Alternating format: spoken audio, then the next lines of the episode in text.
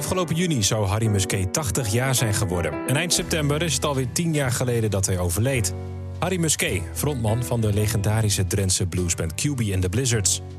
In de vorige aflevering hoorde je over de vele wisselingen in de band. En uiteindelijk gaan QB and the Blizzards zelfs helemaal ten onder. Musquet gaat daarna een heel andere richting op. Je luistert naar aflevering 4 van de podcast Harry. Een productie van mij, Roy van Gol, voor RTV Drenthe.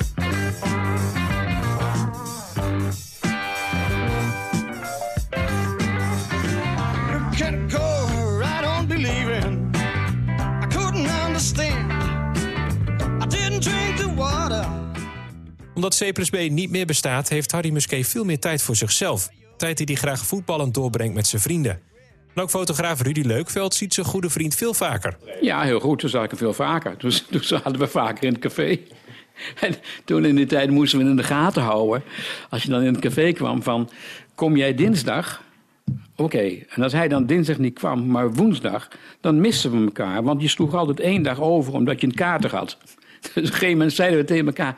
laten we dat een beetje gelijk trekken... dat we dezelfde dagen komen. Dus toen zijn je eigenlijk nog veel hechter geworden ook. Ja, ja, ja, dat klopt. Ja, want toen woonde hij natuurlijk alleen hier in de Smetana-laan, die flat. Die heb ik voor hem helemaal ingericht, getimmerd. Was, ik was nogal wat handig. En eh, daar heb ik hem heel erg mee geholpen. En eh, ja, daar kwam ik veel. Ilke woonde daar ook in, in, in dezelfde flat. Daar kwam ik in het begin heel veel. En later meer, meer bij, bij Musquet, bij Harry. Musquet die slijt zijn dagen wel. Leukveld vertelt wat hij zoal doet in die tijd. Nee, nee, nee. Uitslapen, televisie kijken, Vrij Nederland lezen, Voetbal International lezen. En toen later kreeg hij natuurlijk verkering met Mariska Kok. Dus had hij wat meer aanspraak en zo. Maar, en, en verder naar het café, dat, was zijn, d- dat waren zijn dagen. Maar toch begint de muziek weer te kriebelen. Hij begint de Harry Musquet Band... met onder meer gitarist Bernard Reinke en drummer Jan Groening. In 1977 brengt hij Love Vendetta uit. Een plaat die meer weggeeft van rock en soul dan blues. Onder meer het lied Bad News gaat over Ilko Gelling... die van de een op andere dag QB verliet voor de Golden Earring. Such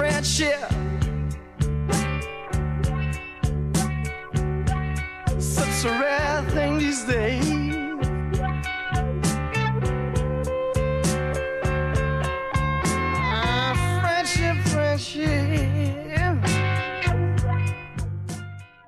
Musquet treedt wel wat op, maar kent niet echt grote successen. De naam wordt uiteindelijk veranderd in de Harry Musquet Gang. Een paar jaar later, in 1983, volgt het album The Legend... met daarop nummers als The Zoo.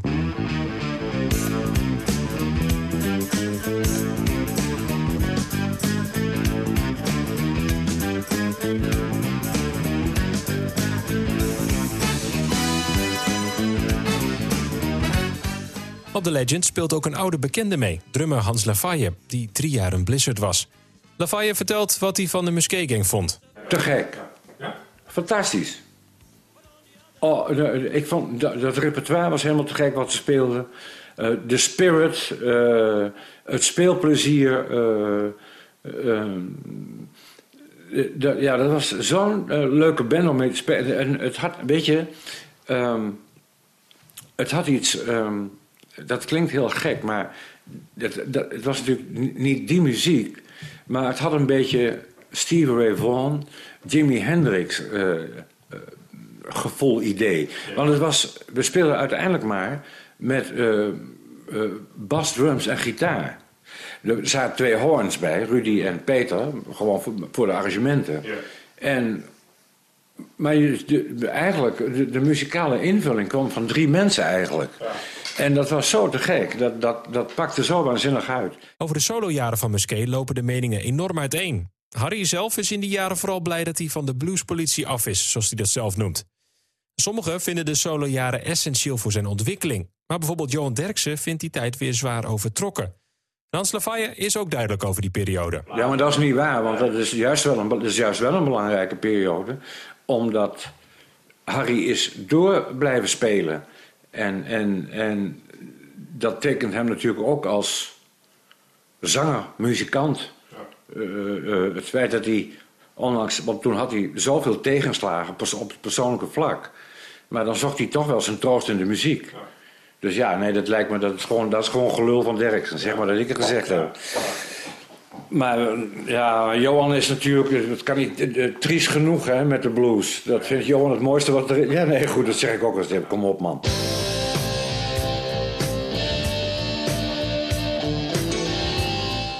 Is 1986 en de Musquet Gang neemt de plaat Rimshots in the Dark op.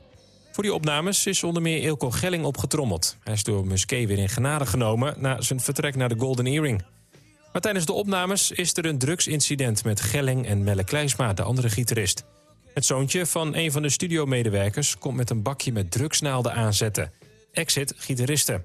De breuk met Gelling is ook definitief. Een nieuwe gitarist wordt opgetrommeld. Het is Erwin Java uit Assen. Musquet kent de familie Java goed. Hij is bevriend met de broers van Erwin. En zelf heeft Erwin ook de nodige herinneringen. Op een gegeven moment, uh, wij gingen altijd uh, naar Spanje op vakantie. En, uh, en mijn ouders hè, kwamen uit Indonesië, dus die zochten altijd een warm land op. Dus nou, de meeste Nederlandse vriendjes zo, die gingen niet zo ver, weet je wel. Maar oké, wij moesten altijd naar Spanje toe. Of naar Italië, maar goed, in dit geval waren we in Spanje geweest. En we kwamen terug midden in de nacht en we reden over verkeers, verkeersplein Rijn. En ik, en ik lag achterin half te pitten. Ik denk dat ik een jaar ja, tien was of zo, denk ik. En op een gegeven moment zegt mijn vader van... hé, hey, daar rijdt die bus van, uh, van, van, ja, van Sketch. op de een of andere manier noemde, werd Harry Musquet wel een Sketch genoemd door mijn broers. Waar, ik weet niet precies waar dat vandaan kwam. Maar goed, in ieder geval... En daar, daar reed dus die, die, bus van, de, van QB, want die kende ik wel. Dat was zo'n, ja, zo'n, zo'n echt, echt een, ja, een, een autobus, zeg maar, weet je wel. En die, die scheurde daar over dat, over, over, dat, over dat oude, oude Rijn, was het volgens mij. En toen dacht ik van, goh, dat is best wel te gek, weet je wel. Die, die jongens die midden in de nacht, wij komen helemaal midden in de nacht uit Spanje terug. Bijna niemand op, op de weg, in die tijd tenminste nog niet. En, uh, en uh, nou, die, een paar van die jongens die rijden daar lekker in zo'n busje, busje rond. Dat leek, dat, op de een manier leek mij dat wat. Zoiets schoot mij te binnen. Vrije leven. Ja, ja, ja. Terwijl ik, ik wist helemaal niks van, van muziek of van gitaarspelen of wat dan ook. Erwin had eigenlijk al veel eerder met Musquet kunnen meespelen. Hun muzikale ontmoeting was al eerder. Toen ik al bij uh, Herman speelde in 81, hè, toen heb ik in die tijd een, nog een sessie gedaan. Harry had toen een, volgens mij een plaat gemaakt, The Legend dacht ik. En daar had hij ook een band uh, rond geformeerd. En, maar goed, er waren die, achteraf hoor, ik kreeg helemaal niet door wat er aan de hand was. Ik werd gevraagd van wil je meedoen met een sessie? Oké, sessie, leuk, gewoon een sessie. Iedereen weet wat een sessie is. Je komt ergens op dagen, da, dagen, je weet eigenlijk niet precies wat er gespeeld gaat worden. Iemand zet een uh, nummer in en nou, je, je, doet dat mee, hè? Maar goed, bleek, uh, ik, eigenlijk waren ze uit op een gitarist die gewoon het repertoire van die plaat ging spelen. En die hele plaat had ik nog nooit gehoord, weet je wel. Dus ik kwam daar, uh, ik kwam daar onvoorbereid aan. Ja, ik kon natuurlijk niet alles zomaar meespelen. Het waren gewoon echt liedjes. Het was niet zomaar even een bluesje of, of een, een, dingetje in, in drie akkoorden of vier akkoorden. Het waren echt liedjes. En dat was in Steenwijksmoer, weet ik nog. Dat is uh, onder, onder Steenwijk dus. En dat was een vrij groot optreden, hartstikke druk ook. Dus ja, die sessie gedaan met haar. En ik, ik ook Harry thuis opgehaald. Ik, ja, ik weet niet precies. Ja, toen woonde hij aan de Smetanelaan. En uh, nou ja, goed, die sessie ging dus voor mij niet helemaal niet zo goed. Maar goed, ik had dus helemaal niet door dat zij eigenlijk op zoek waren naar een gitarist. En uh, nou ja, dat werd hem ook niet. Ik weet niet precies wie, wie, dat, wie daarna is geworden. Ja, Paul Smink, dacht ik, geloof ik. Terug naar Rimshots in the Dark. Voor Erwin Java zijn die opnames bepaald niet eenvoudig. Daar was dus ook uh, het nodige aan de hand met, de, met de, de gitaristen die daar toen op speelden. Onder andere Ilko Gelling en Melle Kleinsma, Kleinsma dacht ik. En um, uh, ja, die waren halverwege de opnames, uh, ja, die, die, gingen de band uit, zeg maar. Uh, om, het, om een lang verhaal kort te maken. En dus ja, die opnames waren niet af. En toen werd ik inderdaad gebeld of ik mee wilde helpen om die studioopnames af te maken. Gino Jansen belde mij daarvoor, inderdaad. En, um, want ik, had toen, ik zat toen in een band, Dutch Concert. Best een leuke band ook. En dat liep best wel aardig. Maar weinig werk. Maar we hadden net een radio Countdown Café gedaan. Dus ach, leuk weet je wel. Voor een beginnende band echt leuk. Maar goed, zij vroegen mij om die plaat in te spelen. Wat op zich best wel een lastige klus was. Want al die sporen van die gitaristen, die stonden er gewoon nog. En die over, over de drums, drummicrofoons heen, dus overspraak. Dus ik moest er overheen spelen. Nou, is goed en zo kwaad als het ging, is dat, is dat redelijk gelukt. En dat was ook wel een beetje een haastklus. En één of twee dagen voor stond om dat te, te doen. Nou, prima luxe. En uh, nou ja, goed, eh, en die plaat kwam dus uit. En eh, toen stonden er ook nog vier optredens, geloof ik. Of ik die ook even mee wilde doen. En ik, ja, die andere band die had, had niet zoveel werk. Dus die nou is goed. Nou ja, en de rest is eigenlijk zo'n beetje geschiedenis. Erwin zou uiteindelijk tot aan Harry's dood samen met hem spelen. Maar hij heeft rond Rimshots in the Dark wel het gevoel dat hij zich nog moet bewijzen. Kijk, Harry had uh, naar mij toe op dat moment uh, nog een beetje dat idee van die, wat ik vertelde, die sessie die ik toen deed. Uh, dat ging voor mij niet zo goed. Dus die had toch een beetje, denk ik, het idee van mij... ja, Erwin kan dat misschien niet toch. Of het is zijn ding niet of zo, weet je wel. En, uh, maar hij was er vrij snel achter. Ja, als je je gewoon nog, normaal voorbereidt op liedjes... ja, dan is het niet zo'n probleem, weet je wel. Had je het gevoel dat je je ook wel moest bewijzen? Ja, een beetje wel. Want jij als jonkie van Ik was jonkie ik, en ik was natuurlijk... Harry kende mij in die zin wel als de jongste van de familie Java... Weet je wel? Dus hij, ja, hij, hij, stond eigenlijk op hoogte van mijn oudste broers. Terwijl ik was dat kleintje, reukje weet je wel. Had ik, ik had natuurlijk wel een, al een behoorlijke carrière. Hè? Ik werd natuurlijk niet voor niets, ook voor de Musquet bekend gevraagd. Omdat ik, ik had White Honey, nou dat was echt... Ja, het is dat, dat, die, dat die in één keer geklapt zijn. Maar dat was echt, dat ging als een komeet, weet je wel, in, in twee jaar tijd. Nou, toen, uh, toen uh, Herman Brood en nou ja, andere bandjes die ook af en toe nog wel eens wat in de picture waren. En, dus het was niet zo dat ik uit het niets kwam, weet je wel. Dat wist Harry natuurlijk ook wel. Dus dat was ook de reden dat ik dus gevraagd werd voor, uh, denk ik toch wel. Ze, hadden toch wel een beetje iemand van naam nodig. Het gaat in de jaren tachtig ook niet altijd even lekker met Harry Musquet. Hij raakt zwaar depressief na een pijnlijke breuk met zijn vriendin Mariska Kok. Je hoort Rudy Leukveld. Ja, ja, ja, daar heeft hij wel ook een hele terugval van gehad hoor. Heel erg, heel erg. Ja, dan is het ook, ook in, in, in, door, door die, in, in die bandsfeer gekomen. Hè. Ze is met een andere gitarist uh, vandoor gegaan. En Harry zei tegen mij, Rudy... eigenlijk heb je een afspraak in, de, in die wereld... dus ook in de bandwereld van um, een soort uh, gentleman's agreement... van je pakt niet iemands anders vrouw. En dat is gebeurd. Ja, nou, hij was daar niet eerlijk gezegd zo'n prater over, hoor. Nee, hij is wel... Uh, uh, gegeven moment... Um, toen heeft hij bij ons een tijdje, een week of zo in huis gewoond met zijn hond Cas. Toen een herdershond Cas, genoemd naar Cas Lux. En toen sliep hij bij ons. Toen was hij eigenlijk heel erg depri, heel erg depri. En uh, toen hebben wij Mariska gebeld, want wij kennen Mariska goed. En die is toen bij ons thuis gekomen, een gesprek met Harry gehad. Maar er werd niks opgelost, dat ging niet beter. En daar heeft hij, daar heeft hij erg, een heel erge tik van gehad. En ook Johan Derksen kan zich die depressieve periode wel herinneren. Kijk, hij was zo depressief. En ik kan me voorstellen dat je in die Smetanelaan depressief wordt als je daar zit. Maar hij woonde eigenlijk in de Witte Bal. Want als ik in Assen was, ging ik nooit naar de Smetanelaan, altijd naar de Witte Bal. Want dan zat hij op het hoekje. Ja. Nou kon je, nee, dan kon je buiten, toen nog in de overdekte singlepassage... en dan kon je die harde stem al overal bovenuit horen. Nou, Harry zit op zijn kantoor. Ja. Maar toch blijft Musquet muziek maken. Al laat het volgende album nog wel even op zich wachten. Maar dan in 1991 kwam Cut Deluxe uit. Met het nummer Brother Booze, dat een bescheiden hitje wordt.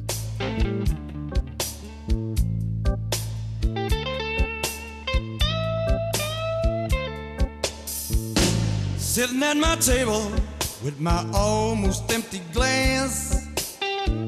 I'm looking through the bottle that's featuring my prayer.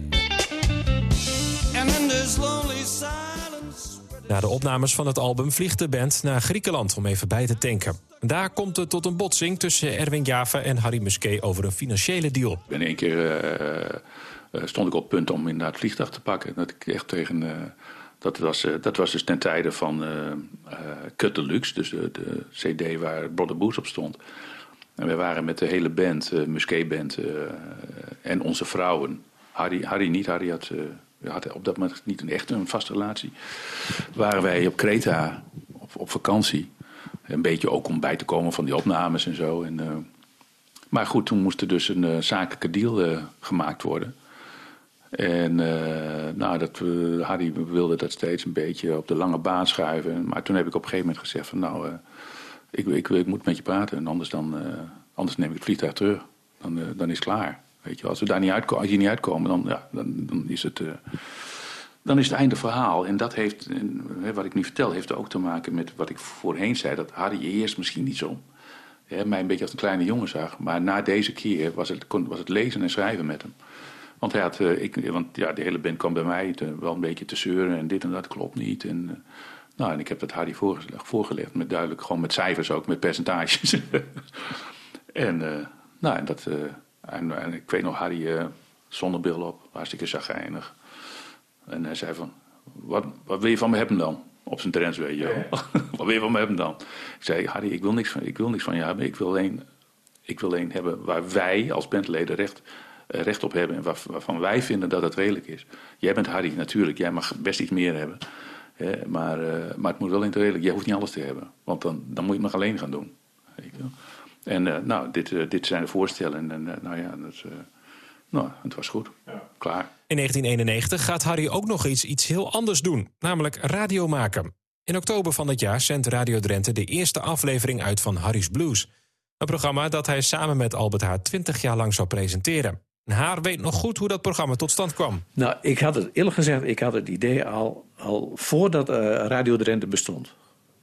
Een van de dingen, ik kan me ooit herinneren dat we in de tachtig jaren samen met Jan Veenstra hebben we toen ooit eens een keer een alternatieve radiobode gemaakt. De Drentse radiobode. Alsof uh, Radio Drenthe er zou zijn. En daar zat al een programma in wat, uh, wat, wat over Harry Musquet ging. Ik, ik vond toen al dat, dat je als omroep dat je iets met Harry Musquet moest doen. Uh, de, de, dat was de figuur in Drenthe op muzikaal gebied die, die, die werkelijk wat voorstelde. Er waren andere succesvolle dingen in Drenthe, maar dat zat wat meer in de sfeer van de Pieter Reulikar en nou, dat soort dingen. En hoe heet dat ook alweer? Uh, in ieder geval wat meer in de sfeer van de, van de, de, smartlappen en volksmuziek en dat soort dingen. Maar Harry Musquet, dat was, voor mij was dat een Drentse icoon. En, en nou, wanneer er ooit een, een, een Drentse omroep zou komen, dan was, stond het voor mij vast. Dan moest er een programma met Harry Musquet komen. Dat duurde nog even. De, de eerste paar jaar lukte dat nog niet. Maar in 1991 was het gelukkig zover, ja. Musquet is ook gelijk enthousiast over dat idee. En een van de absolute hoogtepunten van dat programma is een reis die ze in 1993 naar Amerika maken. Op zoek naar de roots van de blues. Want ik werd er zelf door verrast van dat dat, dat, dat, dat idee geopperd werd. En volgens mij gebeurde dat door Klaas de Vries, directeur, uh, hoofdredacteur van Radio Drenthe, dat die met die suggestie kwam. Want het kost dan al een paar cent natuurlijk om dat te doen. En waarom dat, dat, dat, dat voorstel ontstaan is, dat weet ik niet eens precies. Het, op een gegeven moment was het er in elk geval. Uh, Harry was er in. Die, die, die, die, die was er nogal een beetje door overvallen eigenlijk, van dat die mogelijkheid er was. En in eerste instantie stond hij er ook wat, wat afwijzend uh, tegenover. Maar ja, gelukkig hebben we, uh, heb ik hem wel zover gekregen van dat hij het wilde doen. Dus uh, het kwam er wel van. Ja, ik denk, dat daar, ik denk dat daar voor Harry ook wel de aarzeling in zat. hij was nooit in Amerika geweest. Uh, had er natuurlijk heel veel beelden bij. Vanuit de muziek, vanuit de radio waar hij vroeger naar luisterde. The Voice of America. Boeken, Jack Kerouac. Dat boeken die hij gelezen had en al dat soort dingen. Dus dan, dan vorm je een bepaald beeld van. De, de, de, de bluesmuziek, de blueswereld, de Mississippi en al dat soort zaken. En er is natuurlijk altijd een risico dat wanneer je er naartoe gaat, dat het dan tegenvalt. Dat het niet aan je verwachtingen voldoet. En, en soms is de verleiding groot om dan uh, dat beeld maar in stand te laten. En, en niet het risico te lopen van, uh, van dat het in gruzelementen gaat. Nou, dat heeft Harry toen toch wel gedaan. Hij heeft dat risico wel genomen. En ik, de, ik, ik weet zeker, de, daar is hij blij om geweest. Hij, hij, was blij dat hij het gedaan had. En de reis inspireert hem tot het schrijven van nieuwe liedjes... voor de plaat Sky Songs on the Spot uit 1994. En een van die liedjes op die plaat is Lost in Myself. Something in my life is deceiving me.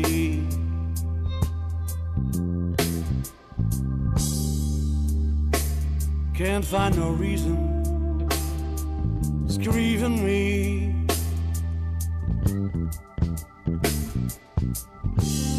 And I feel lost in myself and the song.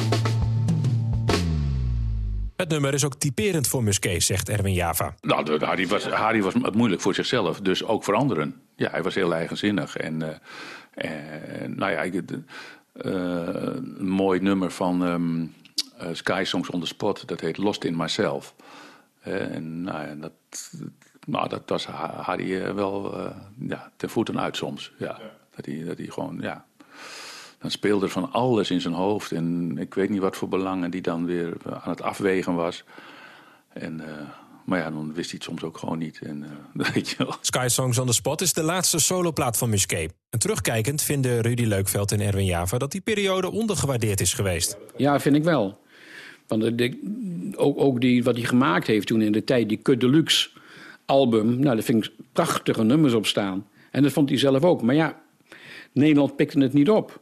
En hij had een, een goede band, altijd een goede bezetting had hij. Hè? Met, met, met, met, met Erwin erin en Roy Couchel erin en zo. Was echt, was echt een hele goede band. Waar zat het er dan in, dat, dat commerciële succes? Ja, ik weet niet. Misschien had hij, dat, misschien had hij eigenlijk... Kijk, hij wilde, hij wilde van dat QB wilde die af. Hè? Hij wilde ook in die tijd geen nummers van QB Hij wilde in die tijd geen nummers van QB spelen. Maar misschien had hij toch gewoon die naam QB in de Blizzards gewoon moeten aanhouden. En toch een paar nummers, daar komen toch de mensen voor. Johan Derks heeft dat later bij hem erin geramd. Denk erom, Harry. Die mensen komen allemaal voor die oude nummers. En je kunt wel een keer uh, Brother Booze en nog wat er doorheen spelen. Maar daar komen ze voor. Vind ik wel, ja. Ik vind dat, dat, uh, dat uh, een aantal jongens uit die band... Roy Cushel leeft niet meer. die heeft Brother Booze geschreven samen met Harry. Ja, die zijn... zijn daar, daar, daar zie je niks van terug. Ook niet in, bijvoorbeeld een hele grote documentaire... die door Jan Douwe Kroeske is gemaakt wordt over die tien jaar, het is wel tien jaar, er zijn weinig Blizzards, uh, muzikanten geweest die kunnen zeggen dat ze tien jaar met Harry hebben gespeeld. En, en over, ja, voor mij hoor je dan nog wel wat, maar over die jongens hoor je niks. En dat, nou, dat vind ik een beetje ja, echt een hiaat in de geschiedschrijving van, van Hardy Musquet en uh, CQ, Q in de Blizzards.